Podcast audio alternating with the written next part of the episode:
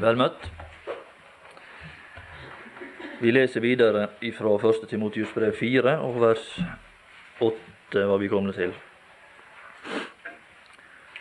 For den legemlige øvelse er nyttig til lite, men gudsfrykten er nyttig til alt. Den har løfte for det liv som nå er, og for det som kommer. Det er et troverdig ord og fullt verdt å motta, for dette arbeider vi og lider hån. Fordi vi har satt vårt håp til den levende Gud, som er alle menneskers frelser, mest deres. Som tror, dette skal du byde å lære. La ingen forakte deg for din ungdoms skyld, men vær et forbilde for de troende. I tale, i ferd, i kjærlighet, i tro, i renhet Legg vind på opplesningen av Skriften, på formaningen på læren, inntil jeg kommer. Vi får kanskje stoppe der. Vi la som en øvelse Øv deg derimot i gudsfrykt i vers 7. Og det er en øvelse som tvinger seg fram når vi er opptatt med troens og den gode lærdomsord. Og Det er litt av den samme tankegang som det av Magne her nå la oss. Det står at da viser de. Og Det som er Peters tankegang, det er litt av det samme. Det, det, det er veldig mye de samme tanker som kommer fram i Peters brev, og som i Timotius brev. Det er dette at det skal komme fram til synlige eh, kjennetegn, til synlige bevis på at det er en usynlig realitet. Det er det som Peter er opptatt av, å vise disse lover som kan bringe fram et resultat. Og føre oss i forbindelse med disse, denne lovmessighet disse åndelige realiteter som kan føre fram et synlig resultat til våre omgivelser, da viser vi. Og Her er også en øvelse. Øv deg derimot i Guds frykt. Og så var det da at denne øvelse det var ikke det er slik som i dag. Det er mange som begynner å jogge, vet du, og så finner ut at det var i grunnen lite nytte, hele greia. Og så gir de det opp. For de skal ikke, ikke se hensikten med det hele. Men her venner, er en, en oppøvelse som, eh, som gir frukter, og som er nyttig. Og det er en øvelse i Guds frykt. Og den legemlige øvelse er nyttig til lite. Og nytten her det er at en kommer til, til syne noe. Og det som kommer til syne, det var det som vi sa. Det er noe som taler om Han. At Han er stor. Stor er Han. Det er det som er resultatet. Og så står det i den forbindelse dette løftet som, som er nytten Resultatet står i vers 9. Det er et troverdig ord og fullt verdt å motta. Det er det som er resultatet. Når denne øvelse pågår, så kommer det fram et resultat at han er troverdig. Han er en realitet. Når denne øvelse pågår hos de troende, så blir vi troverdige. Alt det som blir talt av oss om Kristus, det blir understreket at han er en realitet. Han blir sett gjennom disse personer, og han blir troverdig. Det er det øvelsen går ut på, å vise at han er en realitet. Altså ikke det øvelsen går ut på, men det er det som er resultatet av øvelsen. Når vi er i stand til å vise fram en, et annet liv, når de troende viser fram en annen praksis i alle sammenhenger, så understreker det at den øvelse den fører fram at Han er en realitet. Det er umulig å komme utenom Han, fordi at det er kun Han som kan tilskrives det resultat som her kommer fram. Og det er nytten av denne øvelse, det er et troverdig ord. Og det bringer med seg denne frukt, at han må takast imot. Det er fullt verdt å motta. Han er ganske nær. Han kommer nær til den enkelte. Han kommer så nær til den enkelte som et resultat av denne øvelse at han må takast imot. Han kommer til den, den sjel som har bruk for han, som ei gave som vi kan motta på denne måten. Og det er på denne måten det skjer. Og Dette samme uttrykk det finner vi første gang i dette brev, i det første kapittel og det 15. vers. Det er et troverdig ord, og fullt verdt å motta at Kristus Jesus kom til verden. Hva, er det troverdigheten går ut på her? Er nettopp dette. Fullt verdt å motta at Kristus Jesus kom til verden for å frelse syndere. Det er det troverdigheten går på. Og er, er vi som troende troverdige med hensyn til dette? Blir han troverdig for våre omgivelser? Blir han framstilt gjennom de troende samla vitnesbyrd på en slik måte at han kan takast imot? Det er det spørsmålet går på her. Men det er merkelig å legge merke til hva helst dette uttrykket er plassert. Hva er dette uttrykk plassert? Jo, det er plassert like før at han kommer til verden for å frelse syndere. Der kjem han fra herligheten. Der kjem han fra herligheten og ned i denne verden og skal frelse syndere. Med en eneste gang så kjem dette uttrykk. Det er et troverdig ord. Snur vi oss og går tilbake til den fjelltopp han kom ifra, og så ser vi på han der. Der er ingen som trenger å bli gjort oppmerksom på at han er troverdig, venner. Ingen. Det er ingen som trenger å bli gjort oppmerksom på det, at han der må du tenke på litt. Han der må du vende deg mot. Han der er litt, litt å legge merke til. Det er ingen som tviler venner på hvem han er der. Det er ingen som lurer på hva slags storhet denne besittelse der i herligheten. Der står engler der, de dekker sitt ansikt. De tør ikke å, skue på hans storhet. Og slepet av hans kåpe står der i Epsaia 6. Den oppfylte tempelet. Det var ikke plass for andre. Ingen trenger å bli oppmerksom på at han er troverdig. Han er noe å bøye seg for. Han ville se å, venner, endog engler, enn disse majestetiske vesen. De, føler at de er uverdige å se på Han. Og Så kommer han ned, og så sier Paulus Å, for ei skrøpelighet. For ei elendighet, venner. Når Han kommer ned i denne verden her, og vi må gjøre oss oppmerksom på Vi må bøye oss ned i den usleste fattigdom.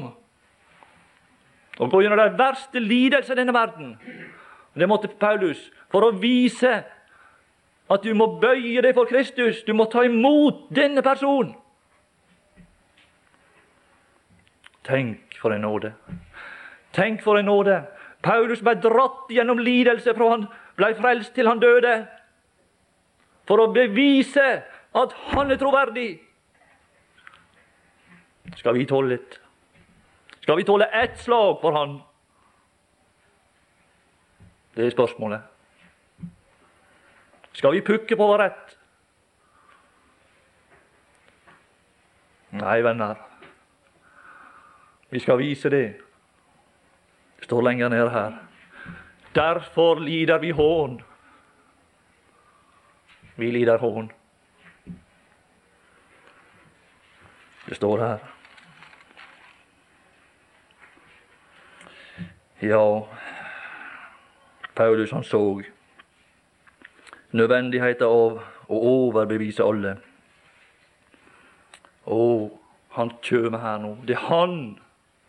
Han som satt på tronen, på denne evige fjelltopp. Det er han som er kommet ned for å frelse syndere. Det er et troverdig ord. Og fullt verdt. Altså liksom ikke bare troverdig ord, men òg Han legger noe til for å komme sjelen nær.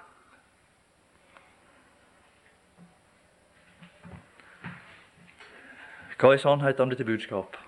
Sannheten er det, venner, at dette fortoner seg for verden som det minst troverdige budskap du kan forkynne til mennesket. den, den mest innlysende selvfølgelighet i himmelen, er den minst troverdige ting her nede i denne verden. Det er det absolutt mest absurde du kan forkynne. Det er det minst troverdige du kan, du kan byde mennesket intellekt. Det er dette sannhet om hans død. Det som er vår redning, det er egentlig det som fortoner oss, seg for oss som det mest fjerntliggende.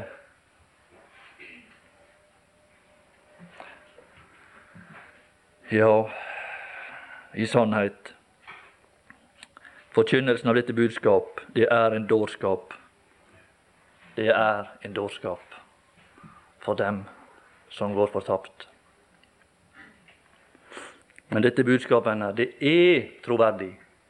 Det er dette som er sannheten, det er dette som er virkeligheten. Det er dette som er det egentlige.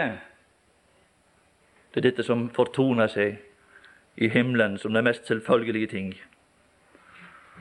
Men Paulus han stopper ikke med dette, at det er et troverdig ord og fullt verdt å motta. Så sier han i vers 10.: For, det, for derfor om dette er troverdig og fullt verdt å motta, og egentlig så bør mennesket bli frelst på grunn av dette, så går han videre. For derfor arbeider vi og lider hån. Han stopper ikke. Han stopper ikke der. Han sa ikke det 'nå er det nok'. Nå er det nok, nå er bevist. Og Nå viser dette at han er troverdig, at han må takes imot. Nei, han stopper ikke med det. For derfor lider, jeg, lider vi hån. Og på denne måte så blir det åpenbart ytterligere og lider hån fordi vi har satt vårt håp til den levende Gud. Og gjennom det, dette arbeid og denne lidelse så blir det ytterligere åpenbart at her er en levende Gud. På denne måten så blir Gud levende gjennom arbeidet og gjennom lidelsen han blir ytterligere kjent.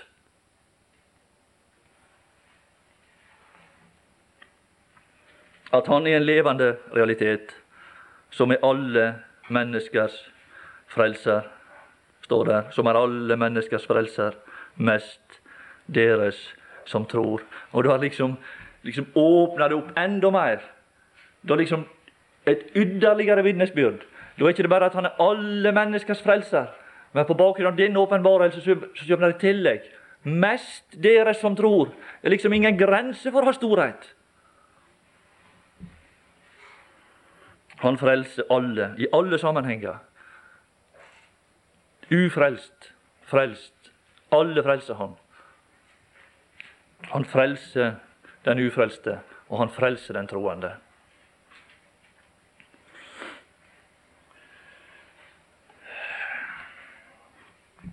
Der er en konge som også, som vi nevnte i går, er general for si her. Og her er det liksom at han er ute og ser på Det er noe heter rekruttskolen, vet vi. Så er han ute og ser på, på øvelsen, hvor det går, dette her.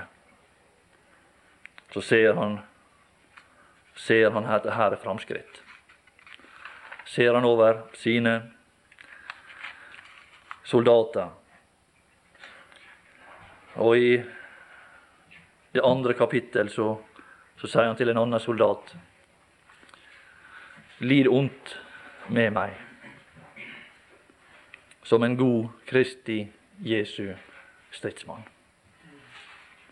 Så sier han en annen ting. Ingen som gjør krigstjeneste, i det fjerde vers, blander seg inn i livets sysler, for at han kan tekkes sin hærfører. Andre kapittel og andre, andre brev, andre kapittel og fjerde vers. For at han kan tekke sin hærfører. Og det var en, den Herre Jesus er et stort eksempel her. Det var ikke bare at han ikke blanda seg inn i livets sysler, men han, han sa at han bare snudde seg. Han sa det hele greia. Bare alt sammen. Ingen interesse. Men her er litt av, av vårt problem. Vi blander oss inn i denne verden. Så blir vi på en måte en del av denne verden. Så blir vi involvert i denne verden. Det er ikke det samme som å være i verden. men vi blir en del av denne verden, og det er en annen ting. Men her er en øvelse, rekruttskole, som skal hjelpe oss til å bli i hans tjeneste. Timotius han ble satt i strid. Og Paulus han sier sjøl om at 'jeg har stridt den gode strid', sier Paulus. Han var i striden. Og Jesus var i striden. Men eh, det er viktig for oss venner å begynne på, på, på rekruttskolen og komme med i striden. Ta del i øvelsen, den øvelse som er nyttig til alt. Komme med i den. Og du også, Timotius, bli med. Bli med i øvelsen, bli med i striden. Og da, på denne måten, kommer kongen, hærføreren, til syne gjennom sine soldater. Dette står der med en eneste gang skal du byde og lære i vers 11, 4.11. Mest dere som tror. Dette, en eneste gang kommer Hans storhet fram. Hans majestet, Hans ordre som hærfører og general og konge, den kommer til syne. Dette skal du byde og lære. Er som en sersjant som smeller ut sin ordre. Som en general som, som med kontant røst avgir en presis beskjed om hva som skal skje. Her er hans ordre. Begynn opplæring etter disse prinsipp. Og kongen skal bli kjent gjennom sine soldater. Hva skal han bli kjent som? Som en despot. Han skal bli kjent som alle menneskers frelser.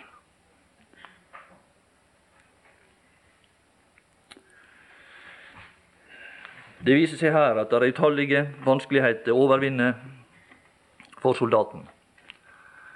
Hva er, her er neste vanskelighet i dette, vers 12. La ingen forakte deg. Hva er her problemet? Her er problemet blant de troende.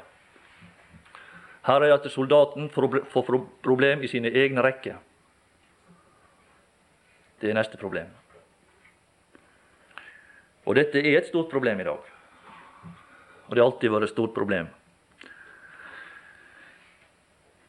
Og det er det som er problemet, at den som kongen er sendt, og den som kongen er beskikka som sin soldat og sin kurer, han får ikke plass iblant de troende. Og dette var Timotius et problem. Han var blitt motløs iblant de troende. Og det står også i, i det andre kapittelet, første vers, vet vi. Men jeg skal ikke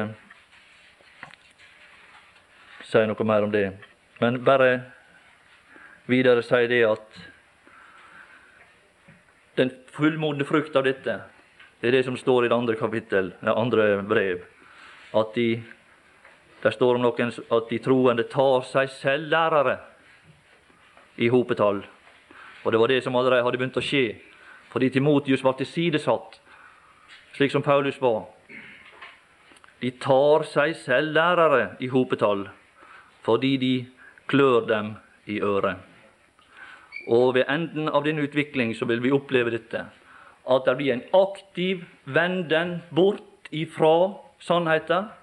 Det vil bli gjort aktive forsøk og aktive bestrebelser fra troende til, til, til å vende seg bort ifra sannheten, fra virkeligheten, til noe mer behagelig, til noe som er føletidens strømning. Det vil bli slutten. Og dette er begynt, og det hadde begynt på Paulus' tid. Og forakten kjente Timotius. Dette er et problem i menighetene i dag. Og det er dette de skal vende seg til eventyr. Vi la oss i går om kjerringaktige eventyr. Det er samme sammenheng. Det er når den troende og menigheten begynner å tenke på egen hånd, adskilt ifra mannen Kristus, så oppstår disse eventyr. Da framkommer vi, med det som er av vår, e-, vår, egen natur, vår egen tanke og våre egne evner. Men det er en alvorlig ting, venner, å avvise kongens ordre, kongens bud, ved å avvise de som han er beskikka gjennom opplæring. og på denne måte forbiser Han. Han er alle menneskers frelser, står der. Mest dere som tror. Men her ser vi det at det er noen som oppstår opp for å, å eh, forakte hans utsending. La ingen forakte deg. Her avviser de det redskap som, som Herren har sendt, til, ikke bare til å, å være alle menneskers frelser, men her står noe annet. Her sto 'mest dere som tror', og det er den frelse vi unngår når vi tilsidesetter de, de, de redskap som Herren har utrusta for å hjelpe og støtte og lære opp de troende. Vel, vi skal ikke si noe mer om det. Men det står i vers 12 igjen da ingen forakter deg for din ungdoms skyld, men vær et forbilde for de troende. Der er et Bare kort nevne dette. Der er et usynlig bilde av Gud, den, den salige Gud i herlighet, som vi kan se. Men så, gjennom den beskuelse, betraktning av dette bildet, hadde Gud til hensikt å føre dette bildet ned på det jordiske plan, at det skulle gjenta seg litt i den troendes liv, slik at det skulle komme til syne gjennom all vår ferd, gjennom all vår praksis. Ei, ei mor skal kunne vise litt av, av menighetens forhold til Kristus, og en mann skal vise litt av, litt av Kristi forhold til menigheten. Det skal være litt av denne tone, litt av denne harmoni, slik at det blir mulig for de som vokser opp, ikke minst, å ane litt av disse forhold, og helst mye. Vær et forbilde, slik at bildet av det, det usynlige blir tilgjengelig for den som har bruk for det. Det er det som er tankegangen. Og dette er et veldig viktig egentlig et veldig viktig sak her i dette brev, fordi at det er hele kapittel 5 taler mye om dette. De skal lære de unge kvinner, står der, å elske. De skal lære. Ikke ved ord. Nei, ikke ved ord. Vel, vel. Det skal ikke vi si noe om nå. Men i vers 13 så står det igjen litt om Skriften. Her er igjen Skriften. Legg vind på opplesningen av Skriften. Fire-fem ganger er Skriften vært nevnt nå i løpet av noen få vers. Det er ikke uten betydning.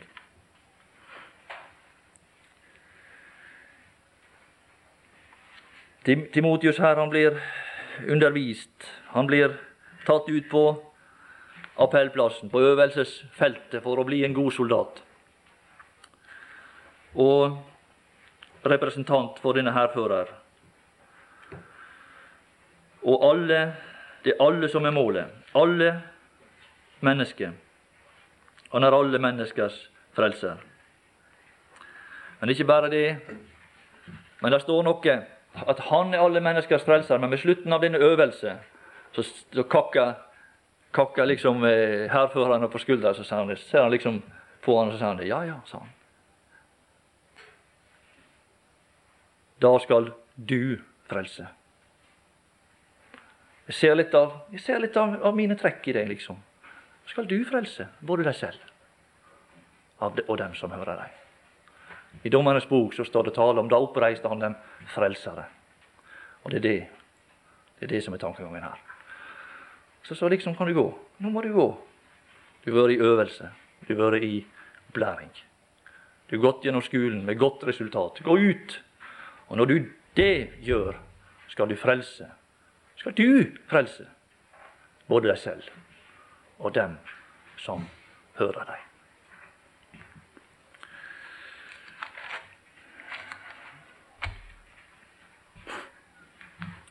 Og det er det som egentlig kapittel 5 begynner med. Vet du det står der? Hva står der? Hvordan frelse Paulus, eh, Timotius? Han blir dannet til, til, en, til en frelser av Paulus. Så begynner kapittel 5 med dette. Tal tal. Men hva står der? Tal ikke hårdt. Hva har du lært det? Hva har du lært det? Ja, det var på skolen. På rekruttskolen. Du lærte å tale slik som han. Tal ikke hårdt til en gammel mann. Ja, vi må tale slik at vi blir frelsere. Slik må vi tale, men vi må lære det hos Han. Vel, vi skal gå til kapittel Kapittel seks skal vi gå til. Se på en, noen få ting der.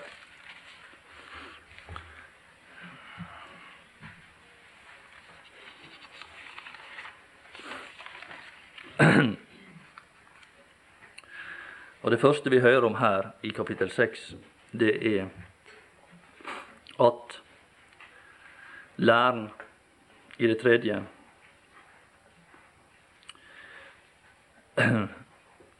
vers Der leser vi om læren. Dersom noen farer med fremmed lære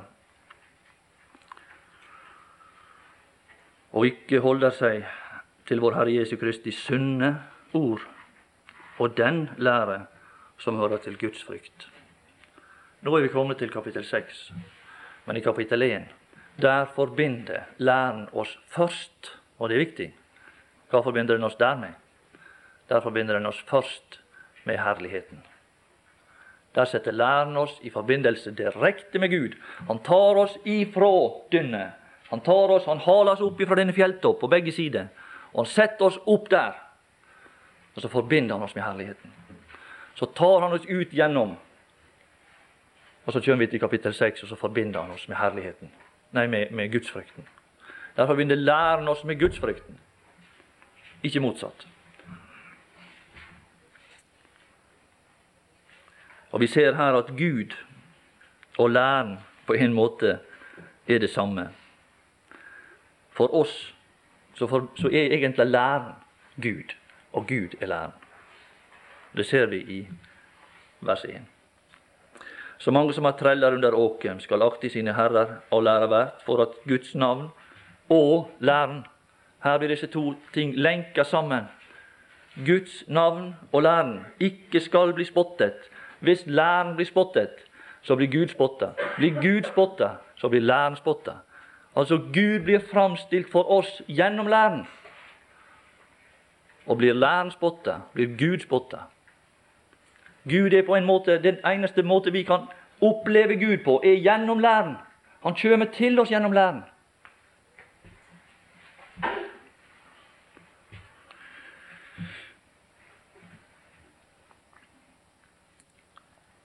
Bare si det kort.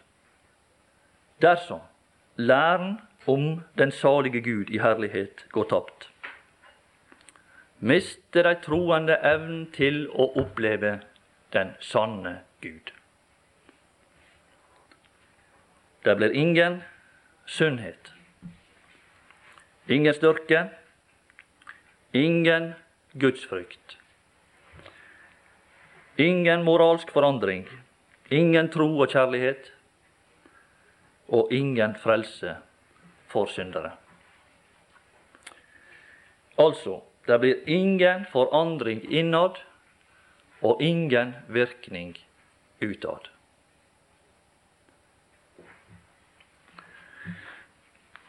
Fra vers 6. Her blir spørsmålet om tap og vinning behandla. Og spørsmålet er det hvorvidt vi eier sannheten. Om den er vårt eie, virkeligheten, sannheten. Om den står for oss. Går den tapt? Hva står her? I vers 5. Stadig krangel blant mennesker som er fordervet i sitt sinn. Hva er det det motsatte av sunnhet? Det er fordervelse. 6.5. Det er det kun Guds sannhet om Gud, læren om den sanne, virkelige Gud, som kan holde bedervelse borte. Og her inntrer bedervelsen. Stadig krangel iblant mennesker som er fordervet i sitt sinn, fordi at Guds begrep er gått tapt. og har tapt virkeligheten. Det er det som er saken. Ja, hva, hva, blir resultatet, mener jeg? Hva blir resultatet av å tape eh, begrep om de virkelige ting? Hva blir resultatet? De akter gudsfrykten for en vei til vinning.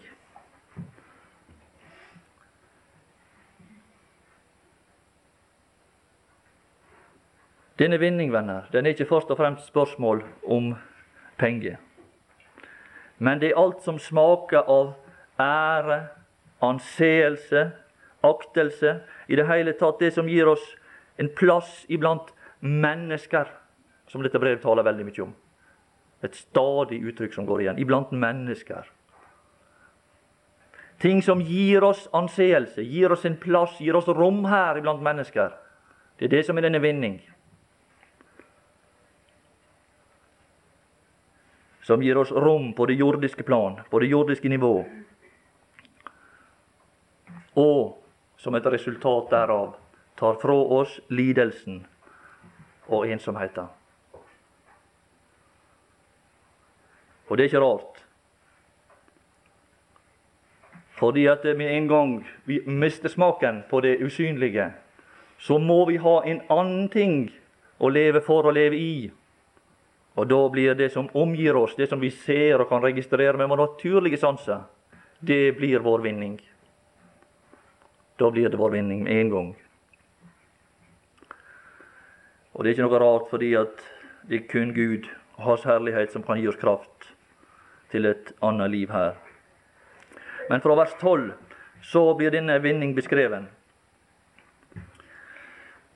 Og der, Hva er det som først kommer fram der, i vers 11? Ja da, her kommer han fram. Her kommer, her kommer Guds menneske fram i vers 11. Og I forbindelse med Guds menneske så er det en vinning. Da er ikke det blant mennesker du beveger deg lenger, men da beveger du deg blant Guds menneske. Mennesker, de som er av Han, og som også har gjort seg til ett. Som de som gjør seg til ett med det usynlige.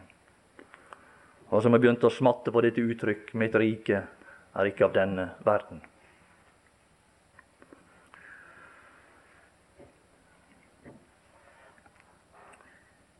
Ja, vi las lenger framme det at eh, ja, stor er Han. Gudsfryktens hemmelighet. Stor er Han.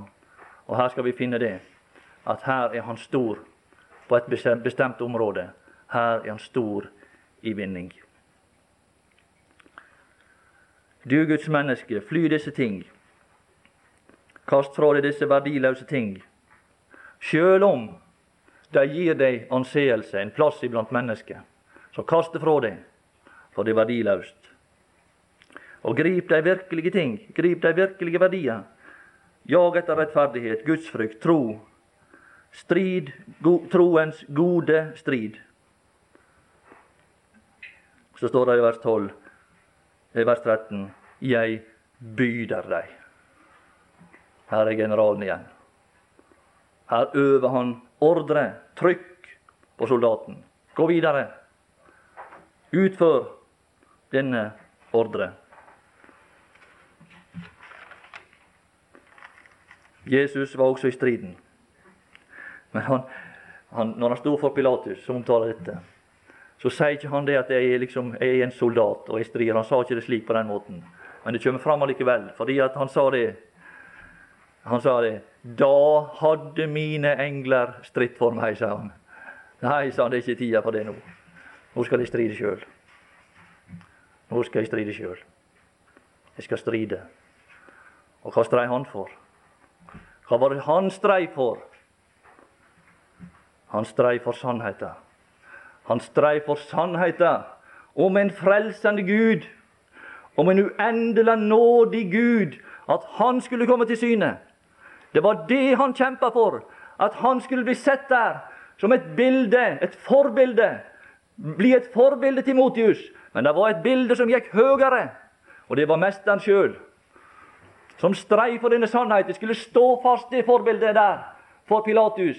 Ingenting skulle rokke ved det bildet.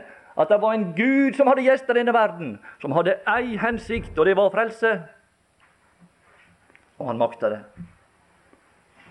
Han makta det under presset. Også han måtte forberedes for dette møtet. Han måtte forberedes, sjøl Jesus. Og han fikk også ordre ifra tronen. Han fikk også et bud. Dette bud fikk jeg av min Fader. Johannes 14, 49 skal vi lese. Han måtte også se opp til ei trone. Han måtte også se opp til den høyeste Gud, som eier himmel og jord, for å makte dette press. Johannes 12, sa jeg, 49.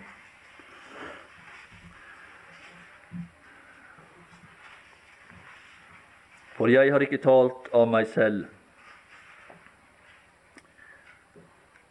men Faderen som har sendt meg. Han var, han var utsending fra denne general. Johannes 12, 49. Har gitt meg befaling. Han har gitt meg befaling. Ja, kan du tenke deg Kan du tenke deg dette? For at dere skal følge, stå der i hans fotspor. Tenk denne. Og ta, å ta soldat. Og ta liksom soldatens plass. Det var fattigfolk i det gamle Rom. Så når de, det var en sterk ungdom, så hadde han den mulighet å gå i striden med livet som innsats. For å tjene sin sold som soldat med livet som innsats under usle kår. Men her er han som fornedrer seg til disse omstendigheter og gå i striden. Og det kosta han hans liv. Han besegla sin tjeneste med sitt liv.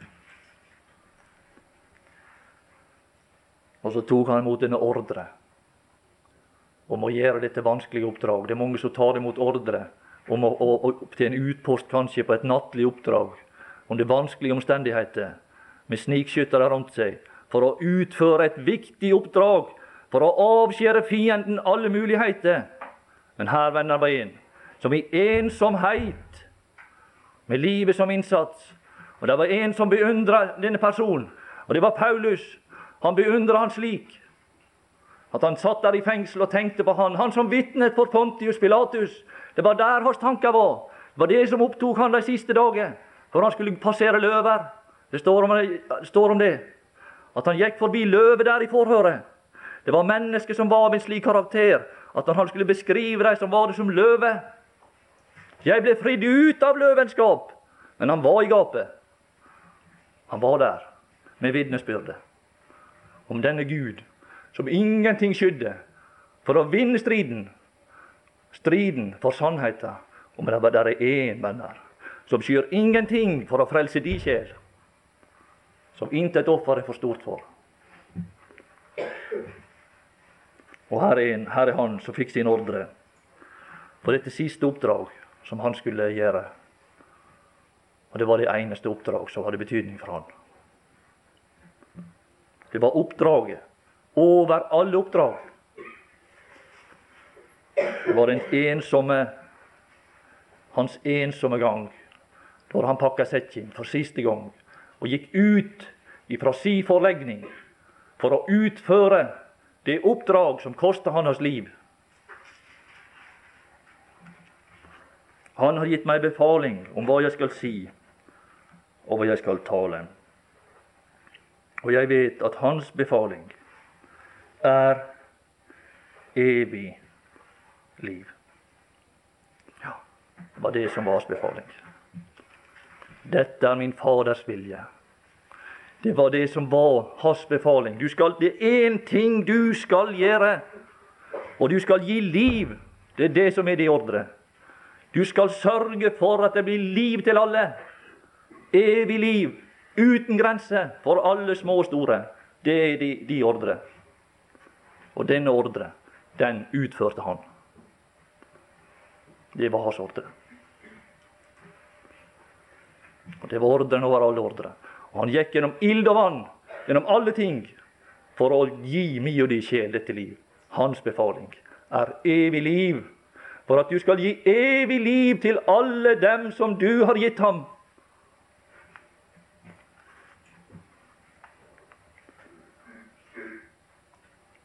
Derfor, det jeg taler, taler jeg således som Faderen har sagt meg. Dette var på en måte ei oppsummering. Dette var oppsummeringa av hans ordre. Så samla han i dette ord og det er det siste han sier før han går til påskehøytiden. Men før påskehøytiden står der. Så liksom oppsummerte hans ordre. Og da var det bare dette. Det var liv. Det var hans ordre.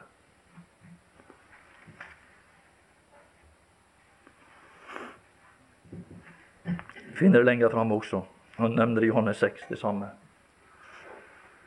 Men vi skal ikke gå noe mer inn på det. Men det som er interessant, og det er å se at du finner den samme aktivitet, og du finner den samme autoritet, og du finner den samme tankegang og holdning i Paulus sitt liv og i Timotius sitt liv. Og Du finner det samme i dette testamentet til Timotius 6,13. Jeg byder deg for Gud. Hva er det der står? Som gir liv. Som gir alle ting liv. Her er det en livgivende Gud. Og det er dette som det er viktig å stride for. Å stride for dette liv, som gir alle ting liv. Her har han beskrevet en Gud gitt et tilleggsnavn som stemmer med den samme karakter som, som uh, Jesus så han da han skulle gå. Og for Kristus Jesus som vitnet, Å, han vitnet om, om en annen verden for Pontius Pilatus den gode bekjennelse. Og i samsvar med det bud, den befaling som han fikk av Faderen om et evig liv, så vitna han denne gode bekjennelse. Og han ville dette liv, et evig liv. Hva ville han det for? Han ville det for Pontius Pilatus. Og det var en hensikt midt i sine lidelser, midt i, og, og, og i det han sto framfor denne avskyelige personen som kunne piske han bare for å, å til, til, måtte tilfredsstille sine omgivelser. Og som satte seg en kujon som satte seg på dommersetet for å, å uh, avsi en urettferdig dom. Han ville liv for denne mannen også.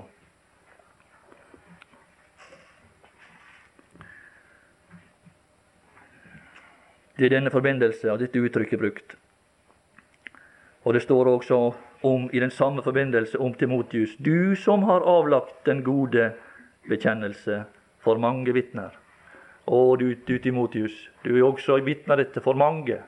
Du er også, det er mange som har hørt deg stå fram med dette vitnesbyrd. Og jeg tror at vitnesbyrdet her er det, det offisielle vitnesbyrd utad. I, i, I, samme forbindelse som det her er nevnt om Jesus. Det er det det dreier seg om. Han som gir alle ting liv. Og han gir liv til vårt, til vårt jordiske liv. Og vet du hva det står i dette samme brev, i den samme sammenheng? Han som gir alle ting liv, og så står det Men den som lever etter sine lyster Det er motsetningen. Han er levende død. Altså, det, vi lever, men vi utfolder ikke liv. Altså det, Vi lever, men det er ikke noe liv i forbindelse med oss. Det er det som er tankegangen. Det er ikke det at vi er frelst enn ikke. Det er ikke det som er tankegangen her.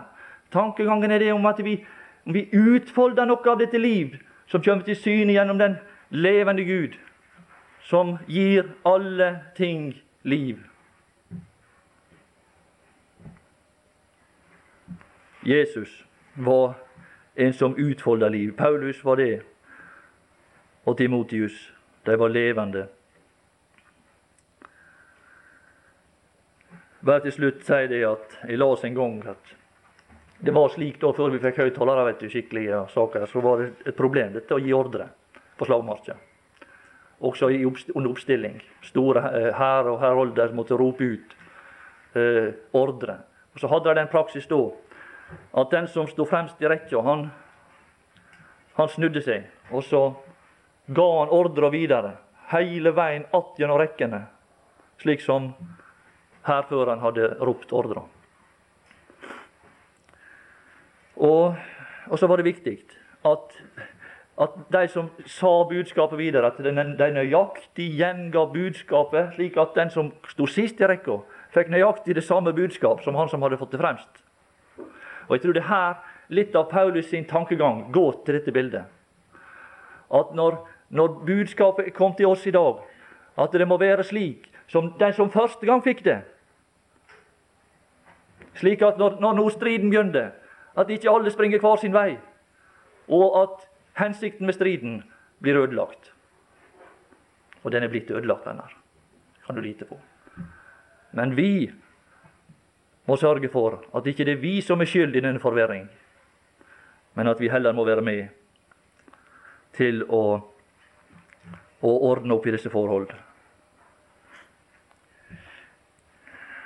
Hva står det? Ja, I denne, denne sammenheng så står det tre ledd. Jeg skal bare lese det til slutt. Det står i det andre, andre brev, og det andre kapittel. Og det står det som du har hørt av meg, 2.2. I mange vitners nærvær. Overgi det til trofaste mennesker som er duelige til å lære andre. Her er denne, denne disse hoppet gjennom rekkene. To. Andre Timotius to. To.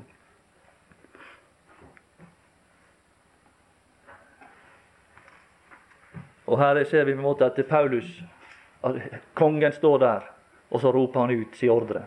Og så er det Paulus som står fremst. Og så roper han, snur han seg, og så roper han til Timotius den samme ordre. Og så snur Timotius seg, og så overgir han det til, til trofaste mennesker. Og så snur de seg igjen, og så overgir de det til de, noen som er, som er duelige til å lære andre. Og slik skal det gå hele veien. Skal ropes ut budskapet videre. Herre Jesus, vi takker deg for ditt ord. Vi takker deg for din sannhet. Vi ber om at litt av disse inntrykk fra din bok måtte bli i vår sjel. At vi må lukke det inne, slike som disse edle sjeler. Det står om at uh, hun gjemte det i sitt hjerte. La det bli også slik litt med oss. Det var svake personer i vanskelige tider, men de gjemte det i sitt hjerte. Og du gjemte dem i de historier, i de kronikker. Der ble de oppskrevne og de kom fram som lysende eksempel på en mørk himmel. La det lykkes for oss alle, Herre Jesus. Amen.